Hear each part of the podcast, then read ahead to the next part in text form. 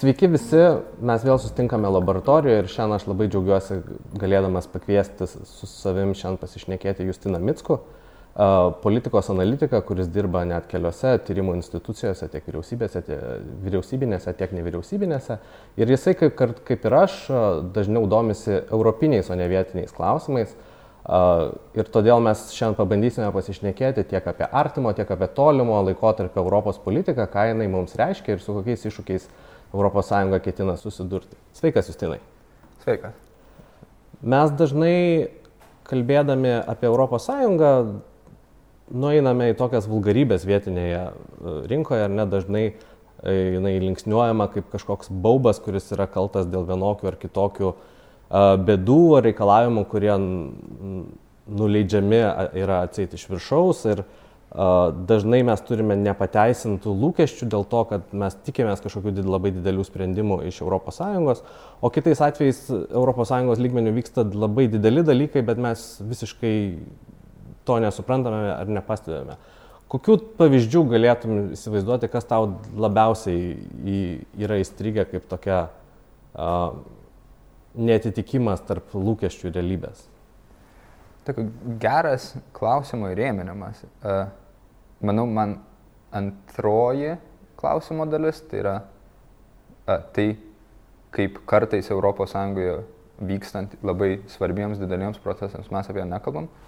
Ta dalis man turbūt rūpi labiau galbūt negu ta pirmoji, kad man kartais irgi. vulgariai, e, lengvabūdiškai ją kritikuoja.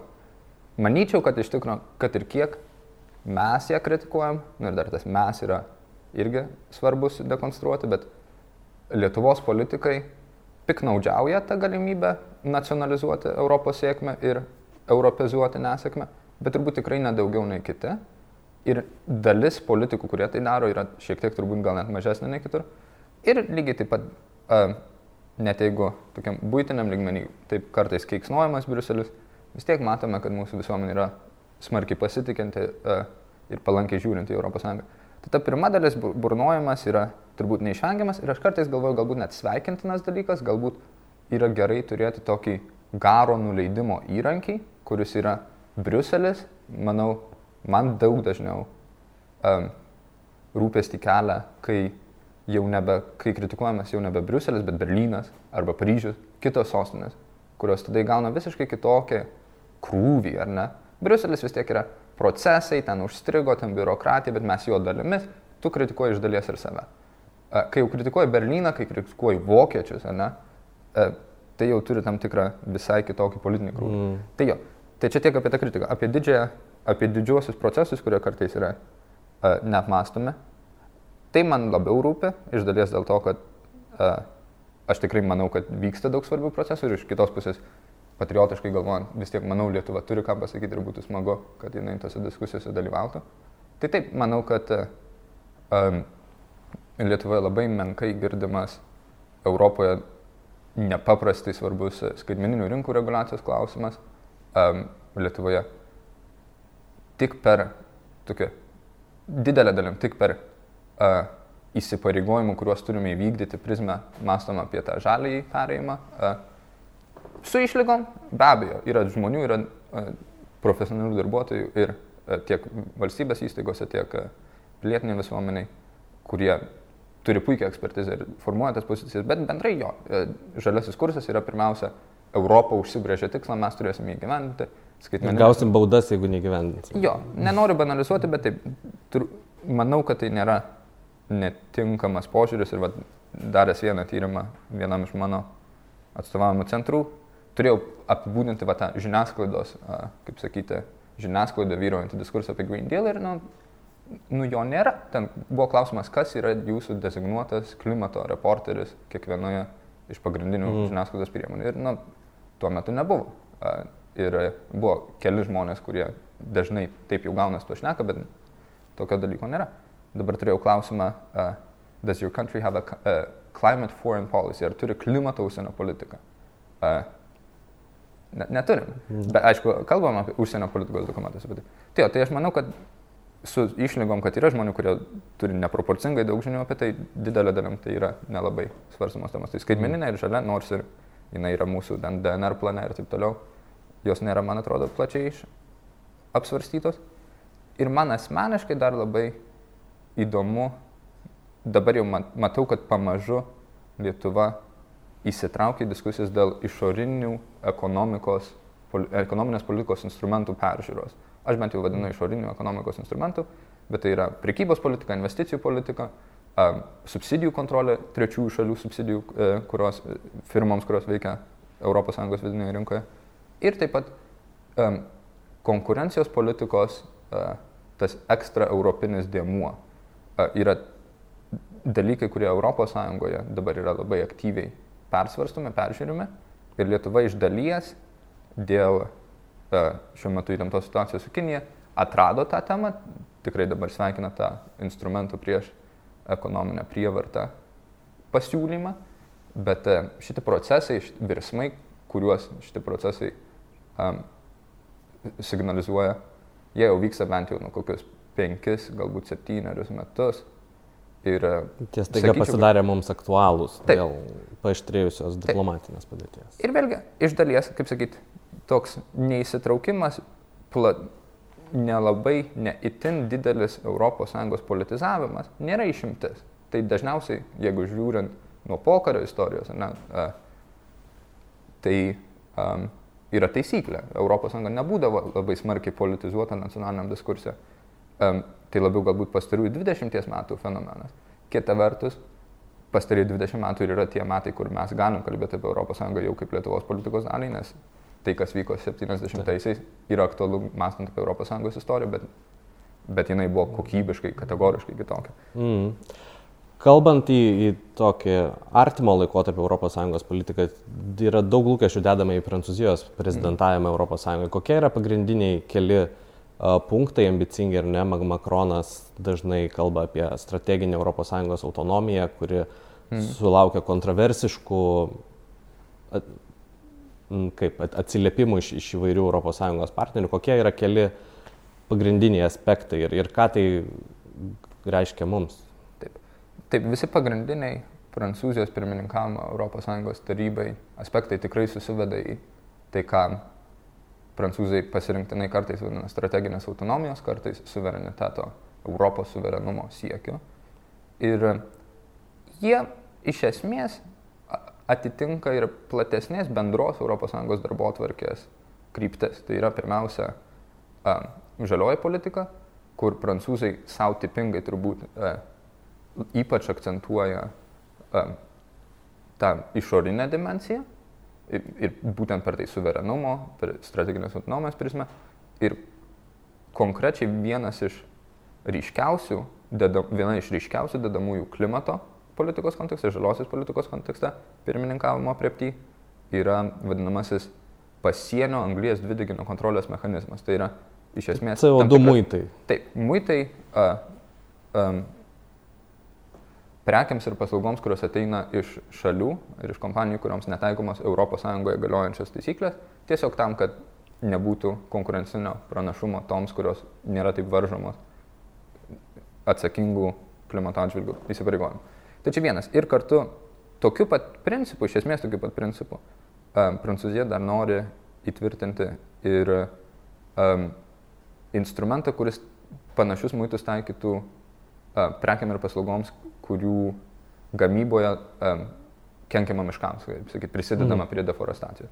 Tai čia išorinė dimensija, bet be abejo, um, du labai arti, artimi ir labai stiprus skauduliai prancūzijai, kuriuose nori į įtvirtinti ES lygių, tai yra be abejo žaliosios taksonomijos pokyčiai, kurie dabar jau vyksta ir tai galbūt net nėra toks išimtinai pirmininkavimo prioritetas, tai jau didysis įdirbis jau yra atliktas ir Prancūzijos interesas buvo kaip brandolinė šalies Taip. įtraukti e, į taksonomiją, į, kuri nustato palankesnės e, finansavimo mm. sąlygas gairias e, tam tikroms energetikos rūšims, įtraukti ją brandolinį. Kitas dalykas yra po tų vadinamųjų geltonųjų liemenių patirties Prancūzija yra itin jautri.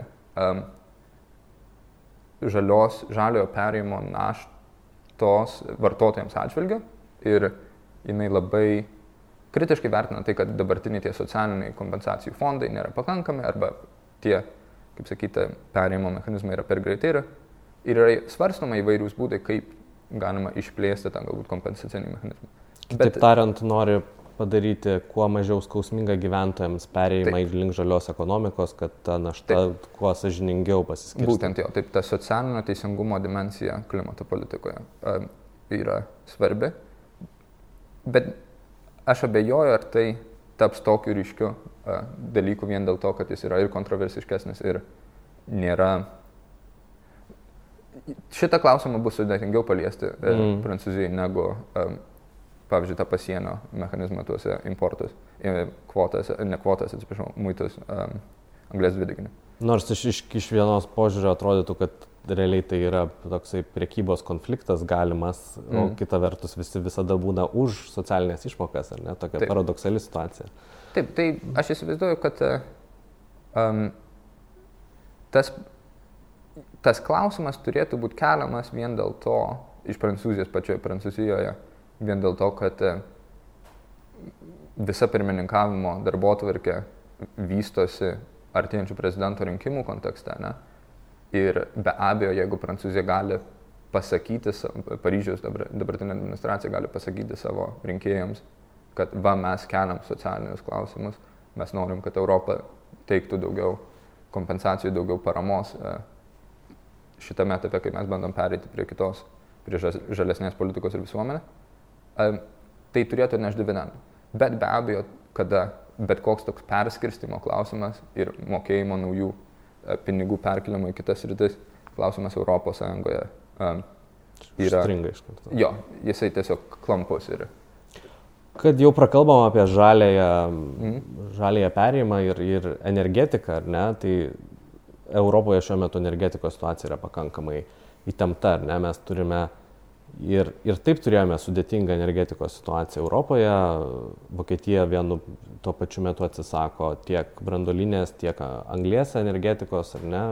Ta, Prancūzija ta pati susiduria su a, tam tikromis a, problemomis eksploatuojant savo brandolinės a, jėgainės ir turime geopolitinės įtampas pašonėje, kas irgi už, už stipriai užaugino dujų kainas.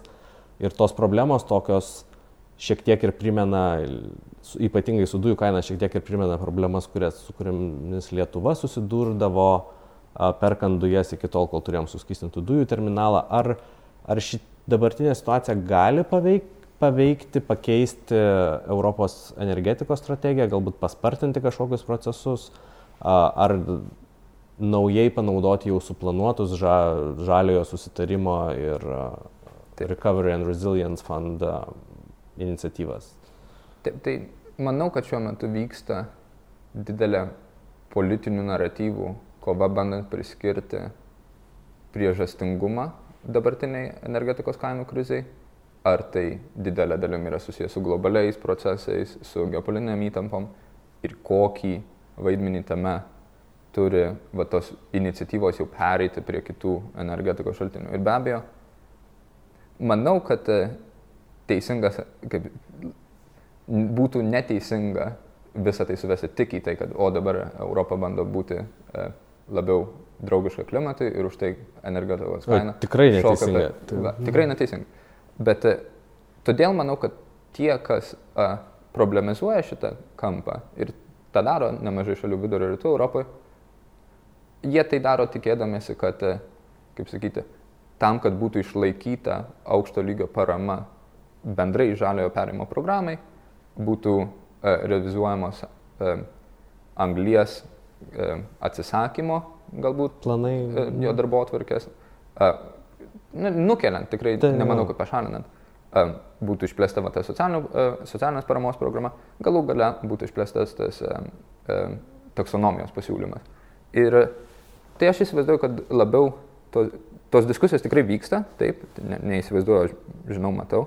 Ir manau, kad jų didysis, kaip sakyti, dėl ko daugiausia ginčiamasi yra, kiek galima išlošti, um, nekeičiant tikslo ir nekeičiant įsipareigojimo, kiek galima išlošti tokių praktinių amelioruojančių priemonių ir sprendimų. Iš dalies tai ir vyksta, mes tai matom, ar ne tos taksonomijos, tų taisyklių, kas žalia, nežalia, ar ne, mes mm. matom, kad uh, yra linkstama pripažinti tiek brandolinę, tiek, tiek dujų Taip. energiją, jeigu ne žalia, tai bent jau pusiau žalia, ne, pereinama, tai dėl ko kyla daug, daug ginčių.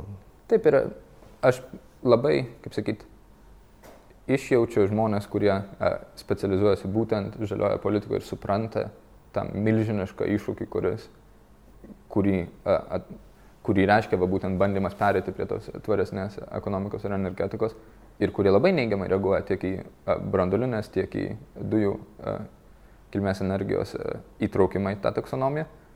Ir kartu aš suprantu, kaip, kaip svarbu yra užtikrinti, kad Mes kalbame apie 20 metų, 30 metų tikslus.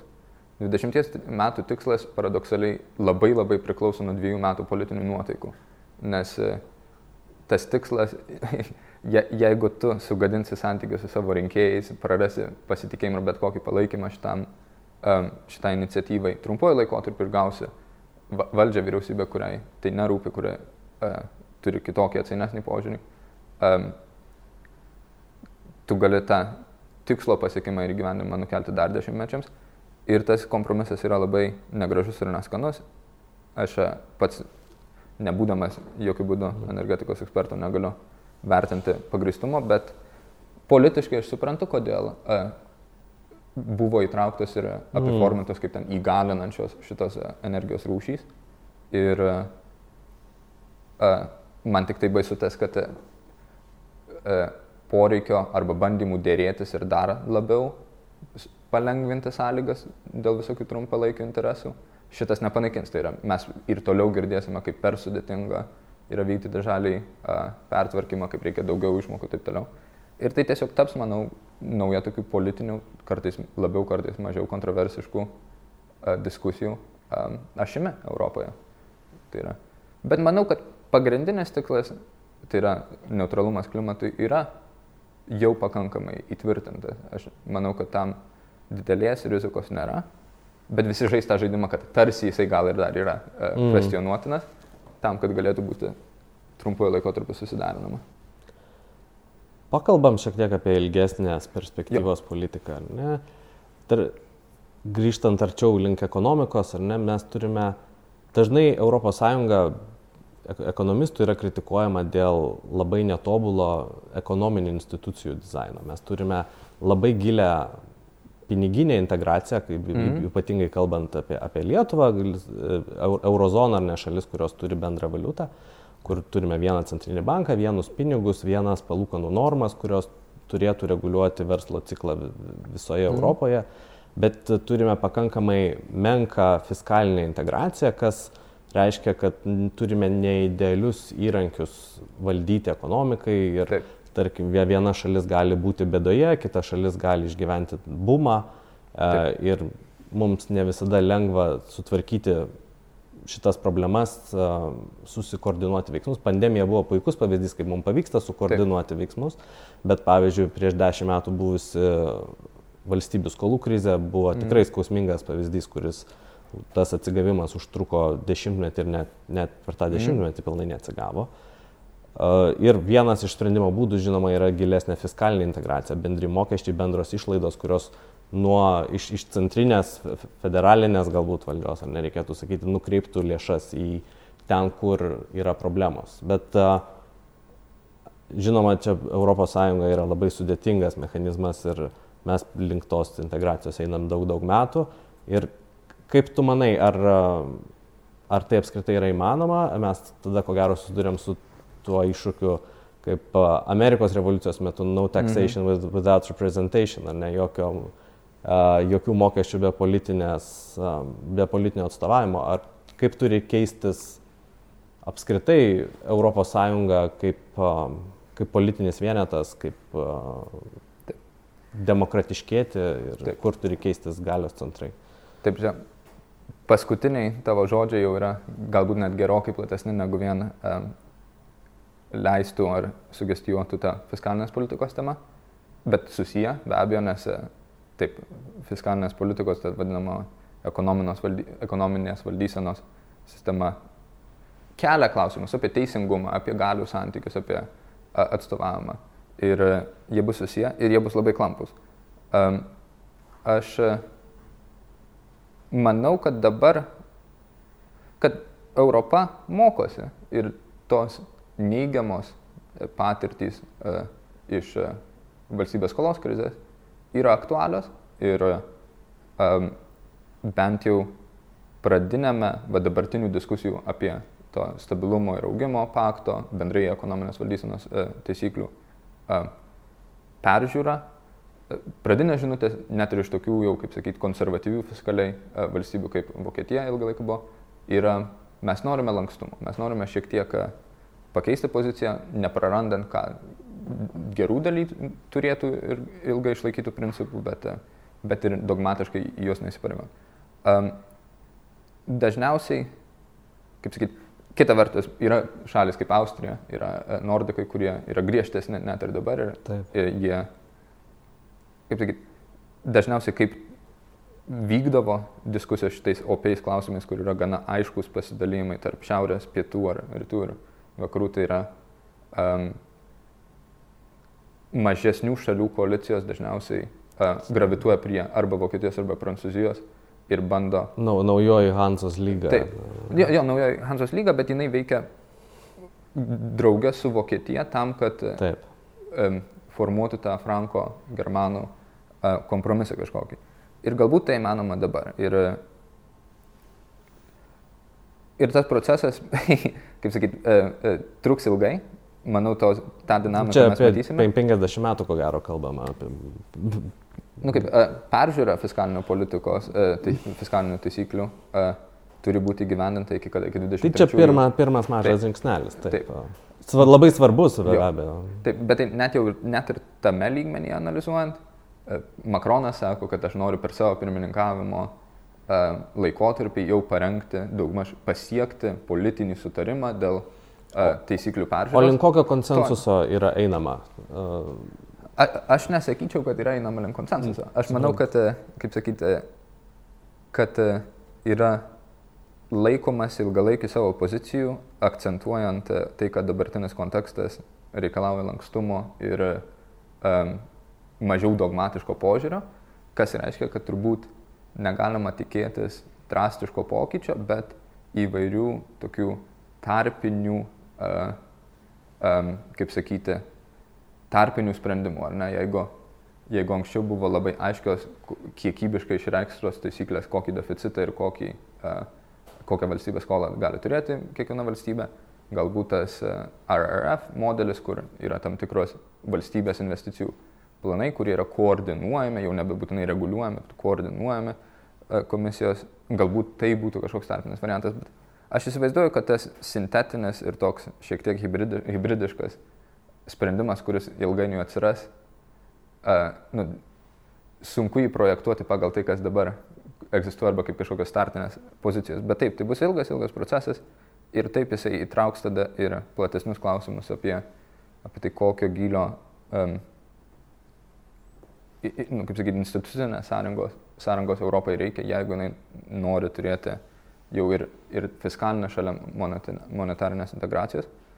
Bet aš nenoriu atmesti ir to fakto, kad kažkaip manau, kad, manau, kad eurozonos projektas ir ekonominės valdysenos projektas yra tikriausiai kiebliausia ir sudėtingiausia iš ES problemų. Jis turbūt performina geriau, at- atsiprašau šitą žodį, mm. negu daug kas mano tai užsienio politikų, imigracijos valdyme. Jis yra pakankamai vieninga ir pakankamai efektyvi, nepaisant diskurso dažnai matomo, nebūtinai kartais mums normatyviai patinka ne migracijos klausimais, jinai vieningai ir efektyviai gravituoja prie tos tokios tvirtovės Europos e, modelio ir vizijos. Man tai nepatinka asmeniškai, bet negali prikišti, kad Europa nejuda link to gana efektyviai. E, Tuo tarpu, vat, ekonominės valdysenos klausimais netrodo tokių gerų signalų, kad yra kažkaip tikrai lengvai kylantis kažkoks aiškus kompromisas. Bet tą pasakius, net ir žinant krizinę patirtį, net ir žinant tą nesutarimą, net ir žinant tą galbūt dėrybinę stagnaciją, mes matome, kad euras yra labiau negu bet kada populiarus tarp visuomenių. Ir ne, nekvestionuojamas arba daug mažiau kvestionuojamas dabar negu prieš 5 ar 7 metus, kas man indikuoja, kad tą tokį paradoksalų ES tvarumą, kuriam nereikia idealumo, tam reikia tiesiog, kad mes niekada neprarastume vadžių ir, ir tuo atžvilgiu tas toks ilga, ilga dėrybų perspektyva, paieška hybridinių kompromisų ir taip toliau, man atrodo, atspindi kažką, kas tikrai apibūdina Europą. Tai yra projektas, kur 27 valstybės bando maksimizuoti savo įgy, politikos įgyvendinimo galimybės šitam naujam globaliam pasauliui, kuris niekaip automatiškai nereiškia vieno balso, vienos kažkokios institucinės sąrangos, bet labiau tai, kad kiekviena valstybė visada turėtų daugiau jaustų, kad išlošia daugiau negu galėtų išlošti bet kokiu ten vienašališku keliu. Tai, tai turbūt kažkiek sugestijuoja ir mano atsakymą dėl to, kokios ten institucinės sąrangos reikia. Aš, aš nežinau, ar realistiška tikėtis Junktinių Europos valstijų ir nežinau, ar man reikėtų, man, man tai būtų patrauklu net. Um, man turbūt opesnės klausimas yra, darant tą prielaidą, kurią aš darau, kad ES ir toliau uh, bus didelė dalim toks tarp vyriausybinės koordinacijos procesas, mechanizmas, ne? Um, ir turint tą vertinimą, kokį aš turiu, kad tai yra neblogai, tikrai turbūt geriau negu bet kokia realistinė kita alternatyva, man opiausias klausimas tai yra, ką, kam atstovaus tos vyriausybės, nacionaliniu lygmeniu kiekvienoje šalyje ir kaip mes mąstysime apie demokratiją čia. Man atrodo, kad taip yra labai įdomu ir svarbu pagalvoti apie tai, ar transnacionaliniai E, europarlamentarų sąrašai gali sustiprinti bendros Europos demos jausmą. Bet man daug įdomiau yra pagalvoti, kodėl uh, su vyriausybėmis kasmet susitinka 50-70 pramonės ir bankų industrijos lobby ir septyni e, pilietinių organizacijų kažkokie atstovavimo forumai. Tai prasme, disproporcija nacionaliniam lygmenį demokratijos kas gauna prieigos prie valdžios, kieno balsas girdimas, yra labai irgi akivaizdi problema ir galbūt bent jau vienu metu apie abiejas turime mąstyti, apie demokratiją Europos ir nacionalinių lygių. Mano akimis galbūt net kartais pradėti nuo to pirmojo lygmens. Aš labai džiaugiuosi, kad mes šiandien pasišnekėjome apie, apie Europos Sąjungą, apie tiek trumpo, tiek ilgo laikotarpio jos ateitį ir, ir jos svarbą mums ir e, iki kitų susitikimų laboratorijoje.